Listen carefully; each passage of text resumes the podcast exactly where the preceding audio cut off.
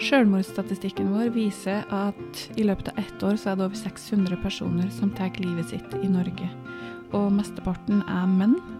I 2020 så var det 172 kvinner som tok livet sitt, mens det var 467 menn.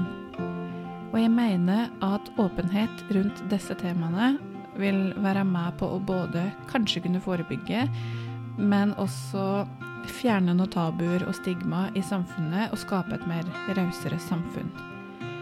I dagens eh, episode har jeg fått med meg en gjest som har en egen erfaring rundt eh, dette med selvmord i nære relasjoner, og også ulykke med døden til følge. Så det handler her om det å miste noen, enten om den som har gått bort og tatt et valg, eller om det var eh, en ulykke. Da har jeg vært så heldig å få med meg Elisabeth, som eh, kaller seg Indre Balanse på Instagram. Eh, jeg fikk kontakt med Elisabeth via Instagram, der hun skrev at eh, hun hadde sett at jeg skulle ha en podkast, og lurte på om jeg ville ha med noen som hadde erfaring med dødsfall, akutte dødsfall, om det er selvmord eller om det er ulykker. Så da sa jeg veldig gjerne takk til deg. Så nå har jeg med meg Elisabeth her på nett. Så velkommen til det, Elisabeth. Tusen takk, Karina. Takk for at jeg fikk være med. Jo, det er bare hyggelig. Eh, jeg tenker kanskje du kan få lov til å presentere deg sjøl litt. Si litt om hvem du er. Ja. Eh, jeg heter jo Elisabeth. Eh, er 43 år gammel blitt. Uh, vernepleier i, uh, i, grunnen, for å si det sånn. Uh, men har en litt sånn Hva skal jeg si Prøver å få en litt bred kompetanse på det som har med terapi å gjøre. har diverse kurs i sexologi, parterapi, og studerer nå kognitiv terapi. Ja. Men det er spennende. Da har du jo ganske allsidig erfaring, eller kunnskap, da. Og, hva, hva, var det du eh, Hvor er det du jobber? Jeg jobber bl.a. i psykososialt kriseteam i kommunen. Mm. Um, og der uh, har jeg beredskap som vil si at uh, hvis det skjer uh, akutte dødsfall i form av selvmord, ulykker, også sånn som typ 22.07. og den type kriser, så um, får vi en telefon fra politi, legevakt, eh, akuttbil, hva det måtte være, som eh, sier at nå, nå, trenger vi dere. Og da rykker vi ut på stedet. Eh, altså ikke der hvor selve, selve hendelsen har eh, skjedd, men vi rykker ut til eh, pårørende, gjerne. Ja. Etterlatte og sånn, eller? Ja. ja. Mm. Eh, så vi er på en måte litt sånn uh, akutt førstehjelp, uh, psykologisk førstehjelp. Og det er litt sånn at når den telefonen kommer fra politiet f.eks., så må jeg på en måte skru på en, en knapp som sier at OK, nå må du forberede deg på at du går inn i en, en prosess med mennesker som har opplevd eh, noe av det verste i, i livet sitt. Mm. Eh, og da, da kommer jeg inn som en, som en støtte. Ja. Mm. ja. For det er jo nettopp dette her vi skal snakke om i dag. Eh, både selvmord i nære relasjoner og ulykker med døden til følge. da. For ja. sånn jeg har forstått det, så har du, har du en egen historie på nettopp de tingene der? Vil du dele litt uh, den historien, eller? Ja. Uh, jeg kan jo starte med Jeg har egentlig flere selvmord uh, i nære relasjoner, men jeg kan jo starte Eller jeg kan fortelle om den som er meg nærmest, på en måte. det er en tid tilbake siden. så jeg har liksom rukket å fordøye det, hvis man kan si det sånn. Ehm, og det var da min eh, eh, fungerende mormor. Min eh, opprinnelige mormor hun døde da jeg var ett år gammel. Og så giftet morfaren min seg på, på nytt. Han traff kjærligheten to ganger, så heldig var han. Ja. og hun hadde vært min mormor i par og 30 år. Eh, og så um, valgte hun da å eh, ta sitt eget liv. Og for meg så var det veldig, veldig, veldig spesielt. Eh, jeg kan huske at eh, mamma ringte meg. Eh, mamma var på, på hytta i Sverige. Og så ringer hun og så sier hun tante Kari er død. Vi kalte henne for tante Kari for at det ikke skulle bli noe mismatch på mormor og, Ja. og sånn. Ja. Ja. Mm. Så sier hun tante Kari er død. Mm. Og så husker, jeg husker det som om det var i går. Jeg svarer hva?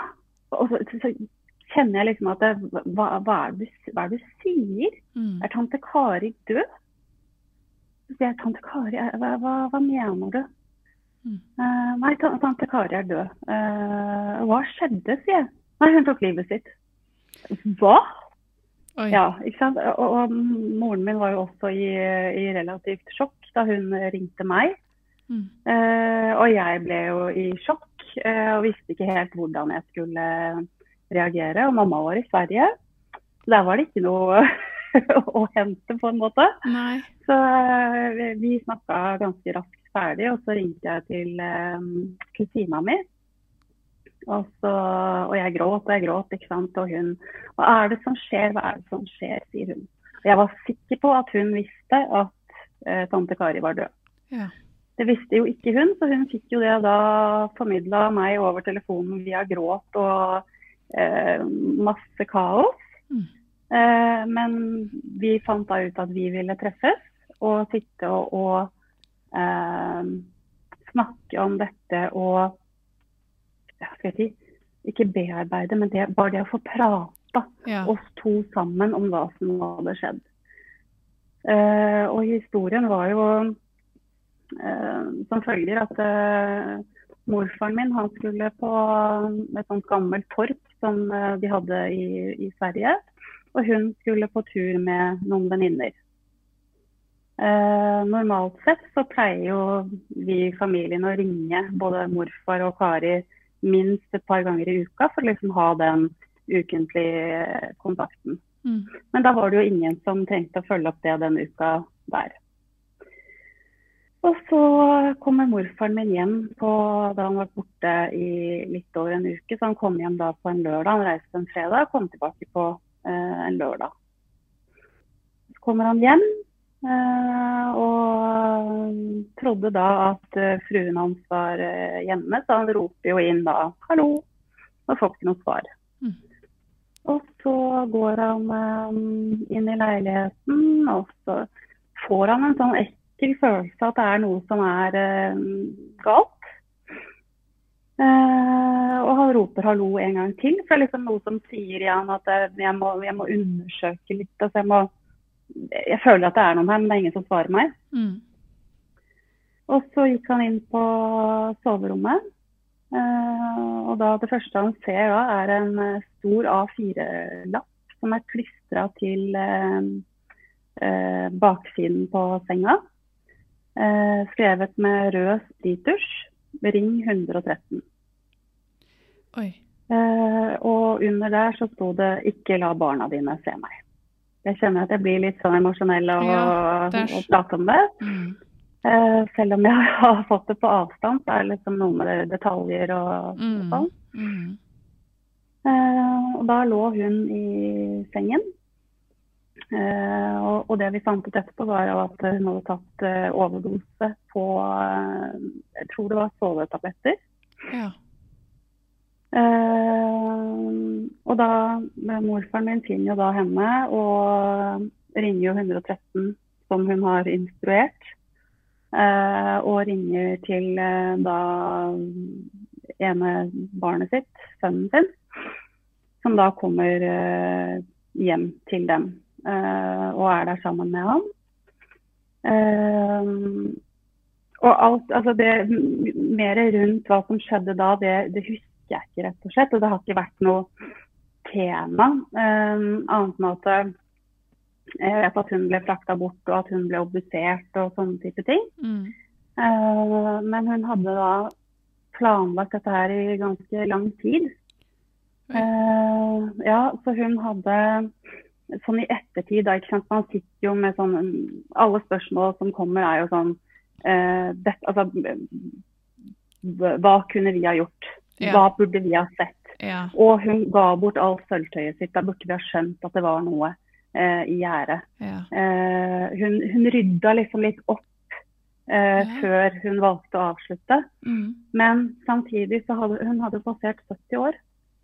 Så eh, det var liksom ikke noe uvanlig å begynne å dele ut det du vil andre mennesker skal eh, ha. Nei, For å slippe det i at eh, folk skal sitte i ettertid og eh, krangle, krangle om eh, arven din. Da. Mm. Det var liksom ingen som hadde mm, tenkt noe på det før i ettertid. Mm. Eh, og det som også var veldig vanskelig med dødsfallet hennes, det var at hun Hun hadde skrevet et brev eh, hvor hun takket for eh, alt det fine i livet sitt. Hun takket for livet hun hadde hatt med morfar. Hun takket for eh, alle oss og relasjonene. Eh, hun eh, eh, skulle ikke ha noen begravelse. Det skrev hun. Ville ikke ha noen begravelse. Eh, hun skulle gravlegges i felles grav. Så det var veldig sånn derre uh, Tydelig, på en måte? eller? Ja. Ja. veldig bastant og tydelig hva hun ville at vi skulle gjøre. Men vi som etterlatte, Ja. vi satt jo der bare Men alt det du skal frata oss nå, du har fratatt oss ditt liv. ja.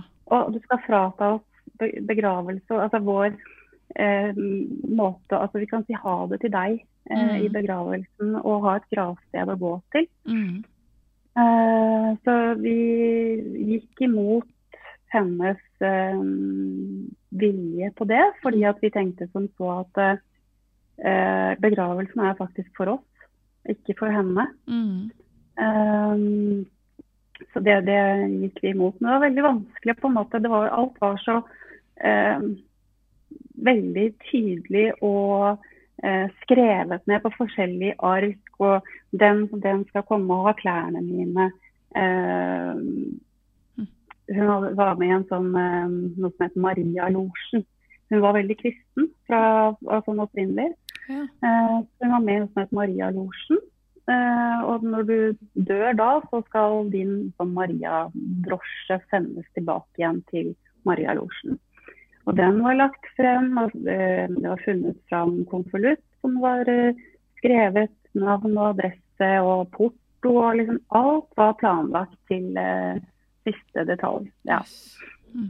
veldig, veldig spesielt. Mm. Så, og der satt vi, da. Uh, ja, hun hadde lagt igjen brev, men ingenting om hvorfor hun valgte å ta sitt eget liv. Eh, Har dere fått vite noe, eller skjønt noe i etterkant om hvorfor, eller? nei, altså eh, Vi, vi spekuler, har jo spekulert. Mm. Um, og jeg tror, men det er, det er bare min troing, det er at hun var en sånn dame. Fantastisk kvinne. Hun um, Hele mitt voksne liv så har jeg sagt at hvis jeg blir halvparten av det mennesket både hun og min morfar var, så vil jeg bli et godt menneske. Ja. Eh, for, for den evnen de hadde til å se uh, folk og ivareta mennesker, og det at alle fortjener en ny sjanse. Mm. Eh, har du hatt en rushistorie, ja vel, du kan allikevel få legge tak på huset mitt. Mm. Hvis du er flink til det. Altså, historien din trenger ikke å, å eh, ha noe å si for uh, den du er i dag. Det er ikke dermed sagt at du er kriminell fordi at du har en rushistorie. Nei. Eh, så, uh, og hun var veldig det på å ivareta andre mennesker. Mm. Eh, det som jeg liksom har bitt meg merke i, er at hun hadde begynt å få en skjelving i hendene sine. Uh, og vi har jo også diskutert dette her i familien, ikke sant? Om hva dette kan være for noe. Moren hennes døde av ALS. Eh, mm, og hun var selv livredd for å dø av ALS, fordi at det var noe av det grusomste eh, hun hadde sett. Ja. Eh, så for meg så har jeg liksom tenkt at ok, kanskje hun faktisk har fått vite da, at hun um, har fått ALS, eller om hun har fått en sykdom som gjør at hun må ivaretas av oss Mm. og morfar. Mm. Så for at vi da skal få slippe å ivareta henne, for det er hun som skal ivareta alle oss, Mm. Um, så valgte hun å ende det. Men det er, det er litt sånn spekulasjoner for egen del, da, ikke Ja, sant? For ja. å på en måte fø føle at det, um, At, at det var til Altså at noe ga mening, på en måte? Ja. ja. rett og slett. For det hø høres jo litt sånn ut at hun var veldig god til å ivareta andre, men var hun like raus med seg sjøl? For det er jo den derre Ikke sant Hvis at du da får vite kanskje da at du har ALS, og, og da litt sånn, da forsvinner den verdien din, for da må du være den som da blir tatt vare på. Når du hele livet har tatt vare på andre, og sørga for at alle Ja. andre har det bra, og så kanskje glemt sin egen eh, oksygenmaske, da. Og jeg tror hun eh, var eh, psykiatrisk sykepleier. Ja. Eh, ja, og jeg tror det er noe i det genet, det sykepleier-vernepleier-genet, som på en måte du setter veldig fort andre foran deg selv. Og når det kommer til deg selv, så er det litt sånn OK, skal jeg være en belastning for andre? Mm. Det vil jeg ikke. Nei. Jeg er vant til å passe på. Ja. Men det har også kommet fram, som ikke vi barnebarna har visst, da, at hun eh, had- har også slitt med depresjoner i perioder. ja. Eh, Men ikke noe som var synlig for oss. Og, men det er klart at uh, hun har målt seg opp imot Jeg, jeg husker hun sa at uh, min mormor var så fantastisk altså Hun var, så, var en så fantastisk dame. Og hun, hun kom aldri til å bli så bra som det hun hadde vært. Nei. Så det er klart at hvis du hele tiden måler person, en person som er, eh, er død, Mm. eh, så er det fryktelig slitsomt å konkurrere med en Ja. som ikke eksisterer lenger. Og, så er det jo Jeg jobber jo mye med selvfølelse, Um, og Mm. jeg hører jo at det, det har vært Det har sikkert ligget noe der også i forhold til at det, det var en depresjon, og den derre sammenligne seg med andre er veldig typisk. Og da vil jeg tro at det, det handler mye om at eh, hvor er min verdi hvis jeg skal bli sjuk og bli tatt vare på, da. Ja, Mm. jeg tror du har rett i det, altså. Mm. Uh, men uh, det, det er så, er, for meg så er det veldig spesielt å på en måte tenke at hun var sånn. Fordi dette her var en dame som kunne på en måte se ut som en litt sånn divadame. For hun hadde eh, tøfler med hæl på og en sånn liten dust foran. Hun hadde morgenkåpe med sånn eh, litt sånn trompetarmer med sånn pels rundt armene. Og hun var liksom en Oi. ordentlig flott og elegant dame. Ja. Uten at hun var noe sånn diva annet enn at hun likte å være elegant. ja. Um, hun var en sånn dame som hvis du var syk eller hadde hatt en dårlig periode i livet, så dukka det opp sitater i postkassa eh, fra henne som Oi. hun hadde Ja, ja, det var helt fantastisk. Så, små kort. Hun eh, hadde en forkjærlighet for eh, engler, så det var gjerne englekort med da eh, sitater og gode hilsener, da. Oi, nå fikk jeg frysninger. Eh, ja, ja, det var det, det er liksom det, Sånne ting Jeg har Ja. blitt savna det. det. Mm. Er kanskje liksom det som i hverdagen er Å, nå hadde det vært, hadde Ja. vært fint å få et kort i postkassa. Ikke sant? Litt Ja. sånn Ja. Mm. Så Nei da. Eh, Men hva gjør det på en måte Altså, åssen er det du eh, håndterer dette her med å miste noen, da, på den måten? For jeg tenker jo du jobber jo i psykososialt kriseteam, eh, og må også møte eh, Bruker du noe av den erfaringen du har sjøl i jobb? ja. Ja. Eh, jeg vil jo tørre å påstå at uh, de erfaringene jeg har, gjør meg kanskje uh, hakket mer uh, jeg si At, at, jeg, at jeg skjønner uh, hva de står i. Og jeg kan kjenne igjen følelsene som kommer, den akutte sorgreaksjonen som kommer. hvor du da er, altså Den akutte sjokkfasen. da, hvor du er i, i sjokk, og du stiller hundrevis av spørsmål. Og eh, neste eh, steg igjen også i fasen er ting jeg har kjent på kroppen. Mm. Så når jeg sitter og snakker med mennesker som da har eh, mistet eh, en av sine kjære i eh, selvmord, eh, f.eks., så eh, kan jeg på en måte si at det, det du kjenner nå, det er helt normalt. Mm. Og det er helt riktig. Mm. Altså, eh, ofte så føler de at eh, de holder på å bli gærne sjøl, og, og trenger bare å få en bekreftelse på at det, du tenker og føler, det er riktig. Mm. Eh, og jeg husker jo også altså, man, man går og venter litt på at noen skal komme og si at eh, nå er det over, nå har vedkommende våkna igjen. Ja. Litt Ja. den der, ja. Eh, og vi blir veldig ofte møtt med den der eh, Men nå har dere vært her. Eh, skal, ikke liksom, skal ikke dere utrette noen mirakler på en måte? Altså litt sånn Ja. der, en forventning om at vi kan eh, bringe de døde tilbake, omtrent. Mm. Men, um, og, og spørsmålet er også liksom, hva gjør vi videre? Mm. Um, hvor, hvor går fremtiden vår? Mm. Um, og det er jo noe med det å, å la seg selv få være i den uh, sorgen. Mm. Og vite det at alle reaksjoner, om du eh, ler av noe som dere har gjort sammen, om du hylgråter, om du blir kjempesint på denne personen, Mm. så er det helt greit, og det er lov. Mm. Eh, og liksom å få bekrefta at uansett hva slags følelser du har, så er det greit, og det er normalt å reagere. Mm. Ja, Ja. og jeg, jeg kan jo kjenne meg at i For jeg, jeg kan jo også dele litt av Jeg har også mista en nær relasjon av en veldig god venn i sjølmord. Og, og jeg merka at det var den derre følelsen av at han bare var på ferie, på en måte. At en kommer snart tilbake igjen. Jeg hadde hele tida den der følelsen av at ja, men dette er egentlig bare tull, og han kommer sikkert tilbake igjen snart. Og... Så jeg, jeg måtte faktisk eh, reise og se, uh, se på den. Ja. For å klare på en måte å forstå at det var det som hadde skjedd, da. Syns du det eh, hjalp deg i forståelsen, eller? Ja, Ja. det hjalp med meg den der at eh, jeg ikke hadde den der eh, tanken som slo inn, og som ga meg en sånn ro da, på at ah, ja, men han er jo bare på ferie, han kommer jo snart tilbake. ikke sant? Ja. Men det hjalp meg til å på en måte kanskje komme litt sånn gjennom sorgprosessen, da.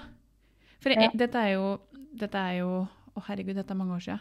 Dette skjedde i 2000 og, eh, 2005. Ja.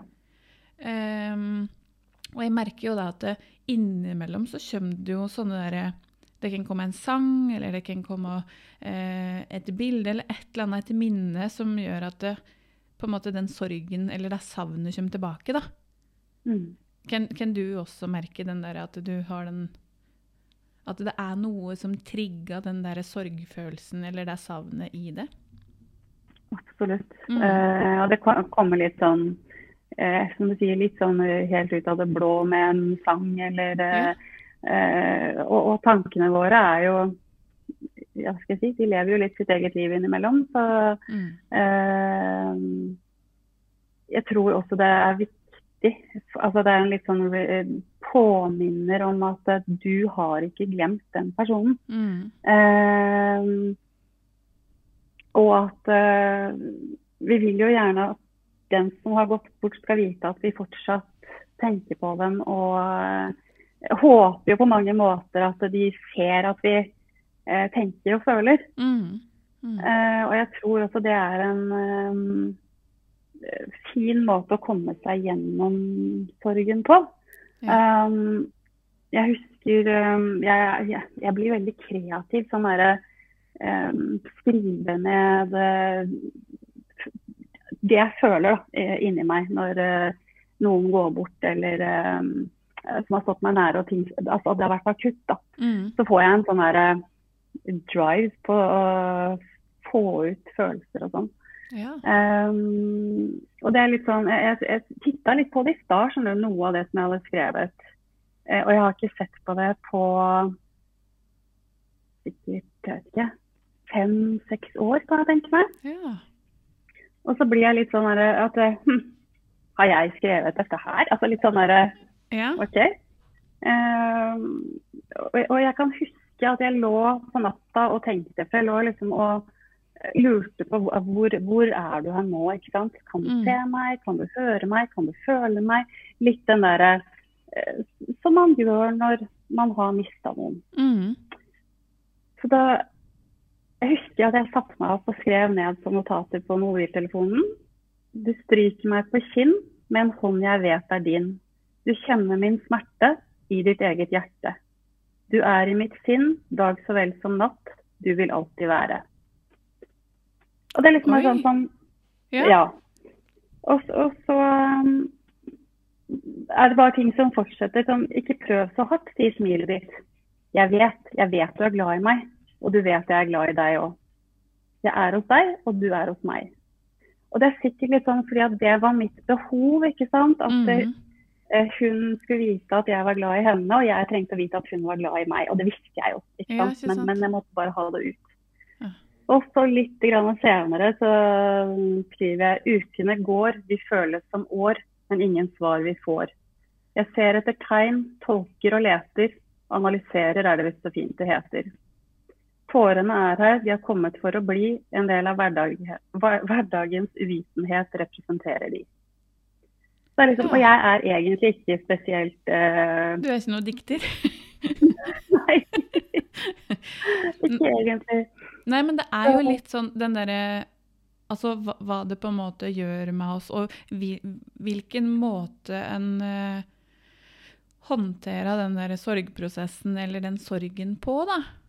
Mm. For det er jo mange som kan eh, ja, sette seg ned, skrive en sang eller et dikt, eller lage noe bilde, fotomontasje, eller Altså, det er jo mange måter å, å håndtere det på. Helt klart. Mm. Og at den, de følelsene klarer å på en måte eh, Altså de følelsene som du får fram, da klarer du å uttrykke på den måten. Men jeg vet ikke om du hadde klart det kanskje like bra hvis du bare sitter her og nå og prøver? Hadde ikke det, vet du. Nei? For det er liksom når det er noe som du føler at du har og, eh, Altså som må ut og eh, på papiret. Jeg, jeg holdt jo også tale eh, i, altså etterpå i begravelsen hennes med Mm. ting som også hadde kommet til meg eh, om natten. Uh, Ja. og jeg følte på en måte at eh, Jeg har alltid følt at hun og jeg har hatt et veldig spesielt bånd. ja. Uh, så, så det er liksom noe med den derre Ja, vi kommuniserer fortsatt. altså Ja. litt den følelsen, ikke sant? ja. At vi kommuniserer fortsatt selv om du er død. Mm. Uh, ja, Mm. så Nei da. Det, det er spesielt. Ja, det er jo det. Og, og det tar oss jo kanskje litt sånn over til det å For, for det å miste noen akutt trenger jo ikke bare være selvmord, men også ulykker. Eh, og der òg vet jeg at du har en historie, eller opplevelser, Ja. egen erfaring på deg, da.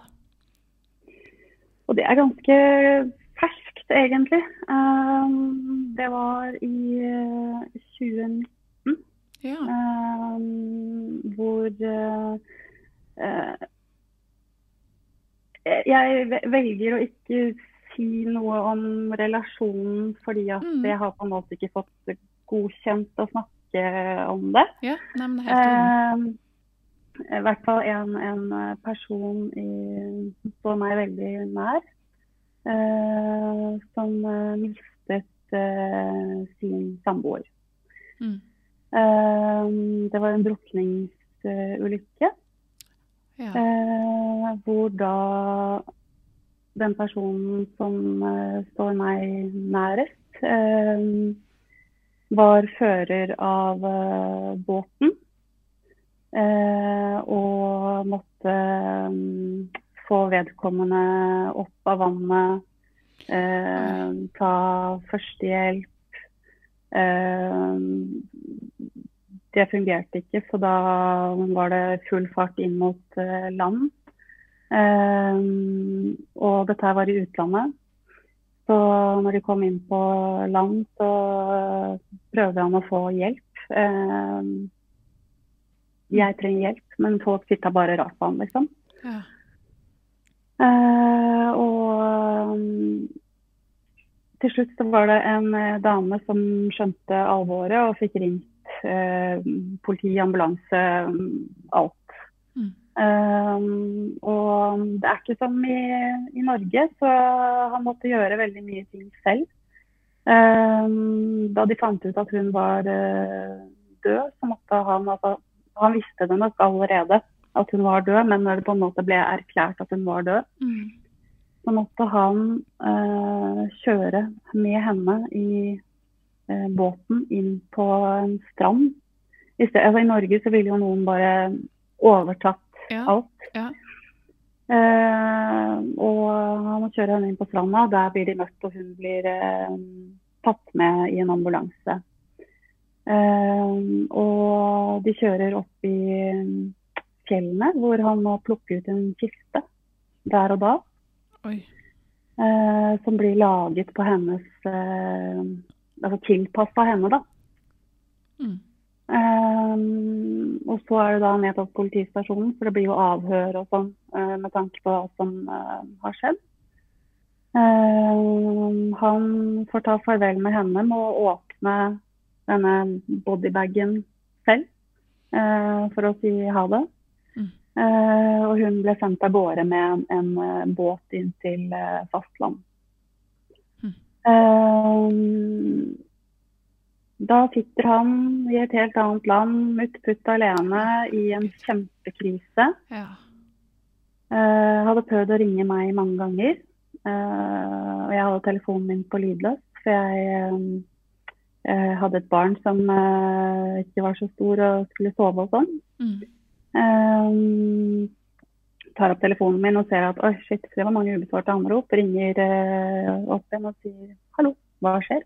Mm. Og han sier at hun er død. Ja. Uh, hva? Hun er død. Uh, fortell meg alt. Mm.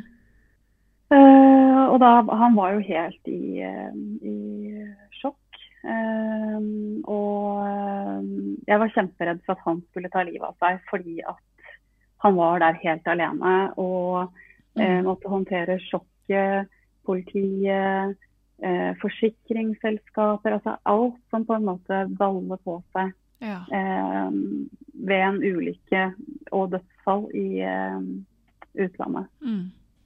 Eh, så um, jeg sov jo nesten ikke eh, på noen døgn og fikk tatt flyet eh, til der hvor han eh, var. Hele familien min reiste ned. Mm. Eh, og traff en mann som var et skall av seg selv. Ja. Eh, og, og, min rolle oppi det hele ble på en måte å ivareta eh, han. Eh, men jeg kjente jo også henne Ja. eh, ve veldig godt gjennom elleve år. Eh, men allikevel så ble på en måte rollen min det å ivareta sjokket hans og eh, sidestille meg selv litt, da. Og eh, det fins alltid noen som har det verre enn en selv. Eh, på godt og vondt. Mm. Um, så så um, jeg sidestilte min egen sorg, men tok også valg for meg selv underveis um, for at jeg skulle på en måte klare å, å stå i det òg, som gikk på at uh, OK, du gråter, da gråter jeg med deg. Så får jeg på en måte Ja. Ja, ikke Mm. sant. Litt den derre uh, Vi samarbeida litt rundt det, da, hvis man kan si det sånn. Ja, for det, det må jo være helt forferdelig å på en måte Ja, jeg må sette min sorg på vent for å støtte. Hvordan klarer du da å gi, på en måte, tenker jeg? Hvis den da er ganske tom sjøl, da? Jeg tror det at det Jeg er skrudd sammen litt sånn da, at det å gi til noen som trenger meg noe så voldsomt, Mm. eh, det går foran egentlig det meste. Og da klarer jeg å holde meg eh, oppegående. Men jeg må jo få ventilert på et eller annet tidspunkt selv Ja. eh, også. Så eh, jeg er på en måte litt sånn en nattegråter. Ja. Eh, ja, ikke sant. Kan, på natta så kan jeg liksom bare kikste ut alt i dyna mi, eller hva det måtte være. Og eh, ikke være fullt så sterk som det jeg da har vært på dagtid, da. Ikke Ja. sant. Eh, fordi at eh, du må bære en annen person Mm. eh, på, på dagtid. Eh, men så heldigvis så har jeg noen som bærer meg eh, igjen, da. Ikke sant. Som Ja. eh, er nærme meg, men ikke like nærme de er bra, andre. Ja. Mm. Så ja, for ellers så tror jeg at man treffer den berømte veggen. Ja, det vil jeg Veggen tro. Ja.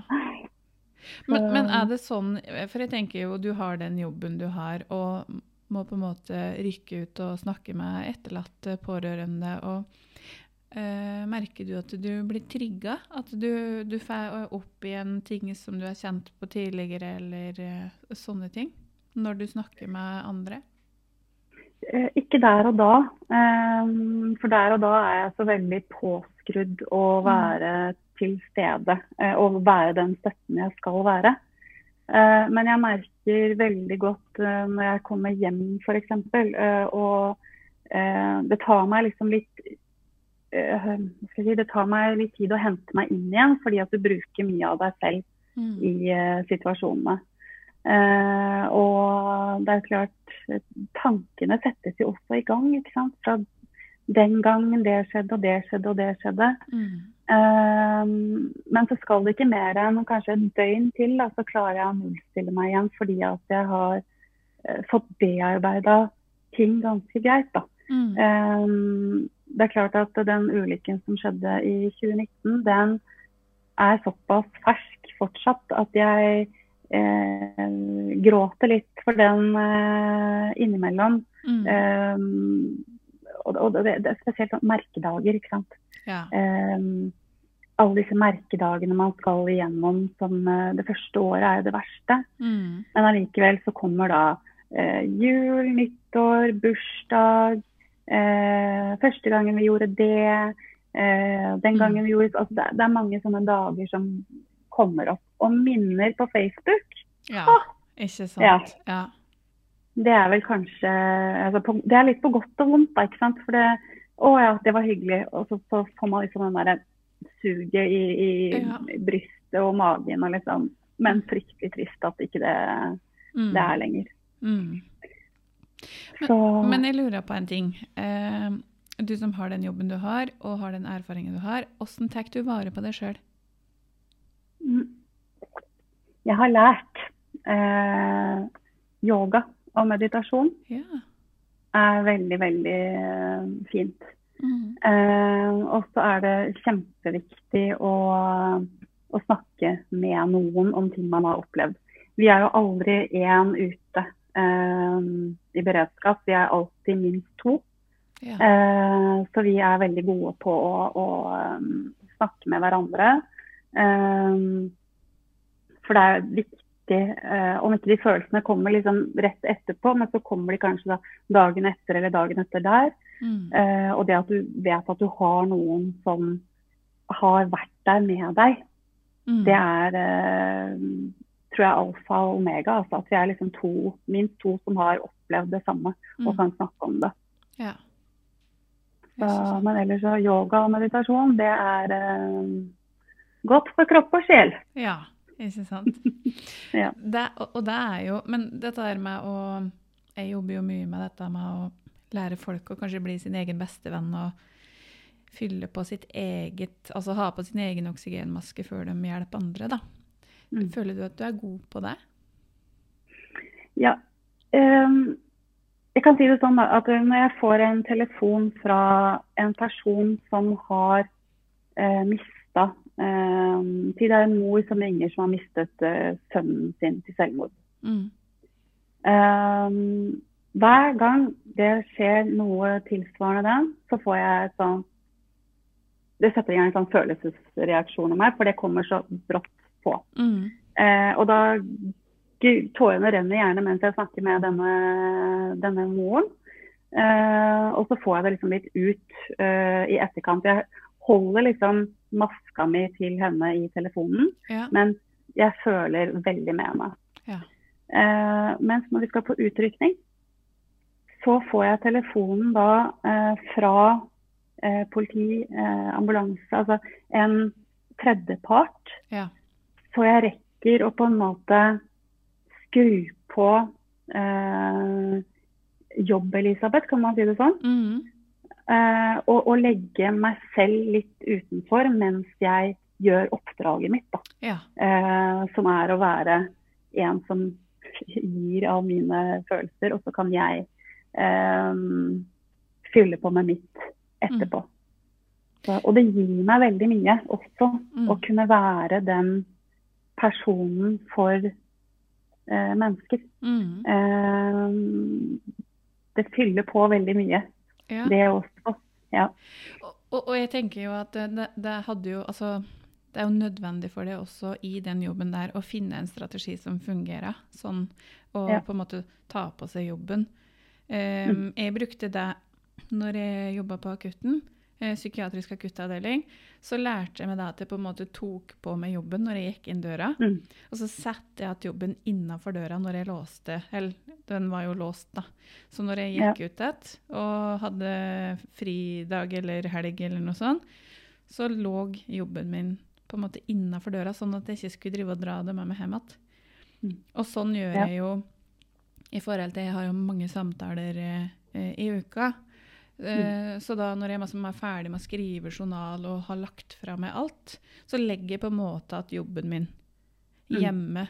Så hvis ikke så hadde jeg tror ikke hun hadde klart å holdt ut en sånn type jobb, hvis en ikke klarer på en måte å ha på seg ja, jobb-Elisabeth, da, som du sier. Mm, mm. Mm. Det er noe med det, fordi at eh, det er, du også har jo stått i helt sikkert ganske heftige ting. Mm. Eh, og for, for å overleve det, da, så, så må du på en måte ha skille litt, da, Mm. eh, rett og slett. Eh, og det er jo mange som sier at jeg skjønner ikke at du orker å jobbe med det. Nei. Ikke sant? Jeg, skjønner ikke at du orker å jobbe i barnehage. For altså, vi er jo veldig um, altså Vi har ulike altså hva som gir oss ting i livet. da. For Mm. noen så er barn i barnehage alt, mens for andre så er det eh, det å hjelpe rusavhengige eller det å eh, jobbe mm, psykiatrisk sykepleier eller eh, psykososialt kriseteam. Det er, Mm. og det er jammen bra vi er skapt litt ulikt. Ja, det er veldig bra det er forskjellige. Hvis ikke så hadde det blitt veldig lite som, Altså få jobber og få som hadde kanskje jobba i barnehage og sånn, da. Men jeg, ja, for min del så kjenner jeg at det gir meg masse påfyll å ha terapisamtaler. Mm. Det er det som gir meg mest energi. Ja. Så jeg tror heller ikke jeg kunne klart å jobbe i en barnehage. Nei. For at jeg er nødt til å på en måte ja, gå litt sånn i dybden og være undrende og nysgjerrig og eh, ja, føle meg og, og virkelig på en måte undre meg over hva er det som ligger bak dette her. Ikke sant. Det synes jeg du skal jo- Over på din klient sin side og Mm, gjøre en undersøkende jobb på den siden, på en måte. mm, Så nei, det er, det er godt vi er skapt forskjellig, sånn at vi kan brukes til alt vi trengs til i samfunnet. mm, absolutt. Rett og slett. Ja. Det tenker jeg. Ja. Men vet du hva? Nå eh, tenker jeg at eh, vi skal avrunde. Så um, det var veldig hyggelig å få lov til å prate med deg. Og kjempebra at du hadde lyst til å dele din historie. Det, altså, det høres ut som uh, du har vært igjennom mye. Og uh, dette der med å passe på å få ventilert og på en måte ta vare på deg sjøl oppi alt det vonde, da. Det er jo veldig viktig. Absolutt. Tusen takk for at jeg fikk komme. Ja, så bra. Men ha, har du et sånn siste råd i forhold til deg, kanskje Er det noe spesielt som du pleier å si til dem som har opplevd krise, eller noe sånt som, som er et sånt som du Som er på en måte litt sånn ditt som du pleier på å si? Noe råd, eller et eller annet sånt?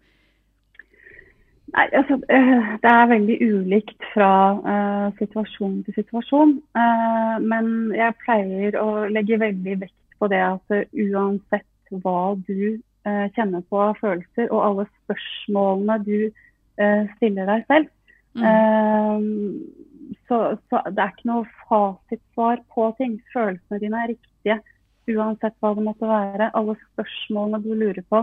det er ikke noe feil spørsmål. Mm. Eh, og alle sitter igjen med skyldfølelse. Det er jevnt over ved selvmord. Ja. Eh, så sitter folk igjen med skyldfølelse. Mm.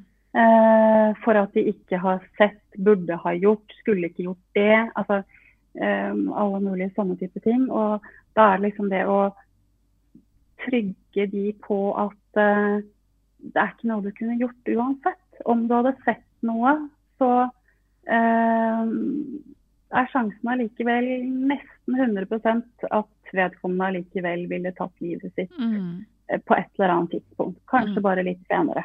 Mm. Um, og kanskje at det er helt normalt å kjenne på den skyldfølelsen, at den vil dukke opp? Ja. ja. ja.